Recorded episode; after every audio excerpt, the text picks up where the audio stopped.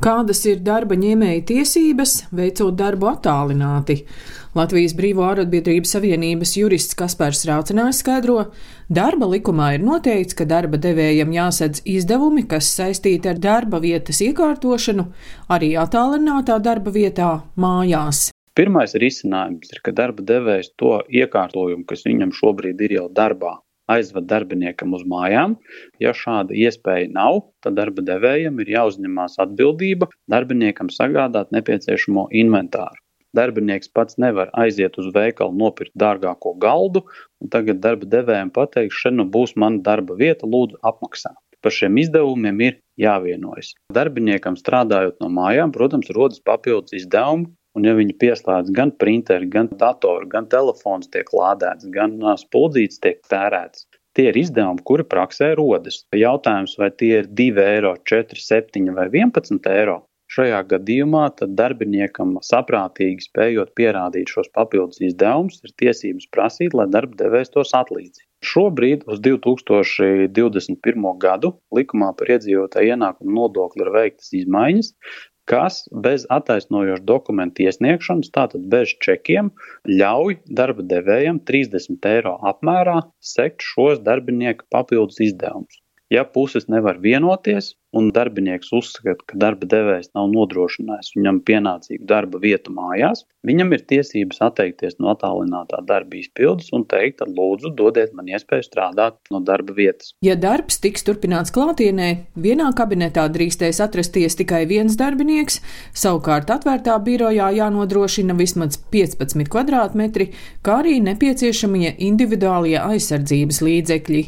Latvijas darba devēja konfederācijas ģenerālsekretārs Sekretāre Līga Mendelsone stāsta, ka ir ražošanas uzņēmumi, kur attālinātais darbs nav iespējams, bet lielākā daļa no privātajā sektorā strādājošajiem jau strādā attālināti tās pamatlietas jau ir dators, interneta pieslēgums un iespējamā tiešsaiste un programmatūra. Un, ja teiksim, mēs esam par digitalizāciju runājuši, varbūt, kad mēs pāriesim lēnām tur divu gadu laikā, tad šobrīd dzīve ir piespiedusi to izdarīt ļoti ātri. Darba devējs, darba ņēmējiem var vienoties un viņi arī vienojas, kādā veidā viņi šo darbu gan organizē, gan arī attiecībā par izdevumiem, ja tādi rodās. Šobrīd regulējumā ir ielikti šie 30 eiro, kas neapliekās ar iedzīvotāju ienākumu nodokli nodokli.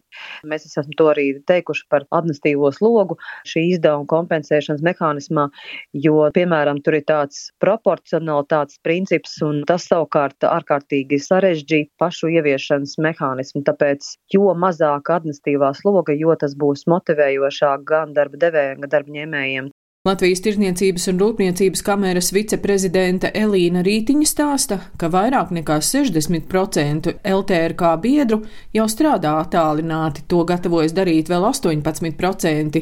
Arī viņa uzsver, ka jānovērš administratīvie šķēršļi kompensāciju izmaksai darbiniekiem. Šie 30 eiro, kas ir IEN likumā paredzēti, tas ir tajos gadījumos, ja uzņēmums negrib sarežģītāku, bet vienkāršāku administrējumu maksājumu, te var šo izmantot.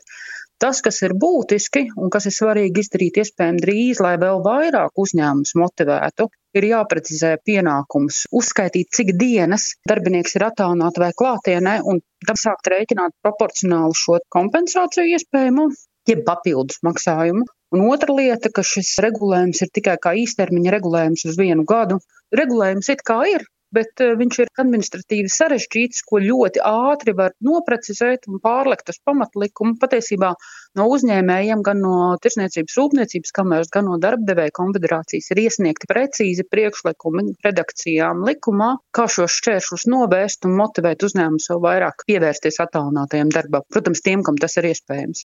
Valsts darba inspekcijas darba tiesība nodaļas vadītāja Mārīte Noriņa skaidro, ka līdz šim sūdzības par attālināto darbu nav saņemtas, vairāk tiek sniegtas konsultācijas. Darbinieki mums jautāja, vai darbdevējs var piespiest, savukārt darbdevējs saka, ka darbinieks vēlās, bet darbdevējs nepiekrīt. Nu, teiksim, tādas savstarpējās komunikācijas jautājumi vairāk. Sūdzības par to, ka kaut kāda pārkāpuma būtu.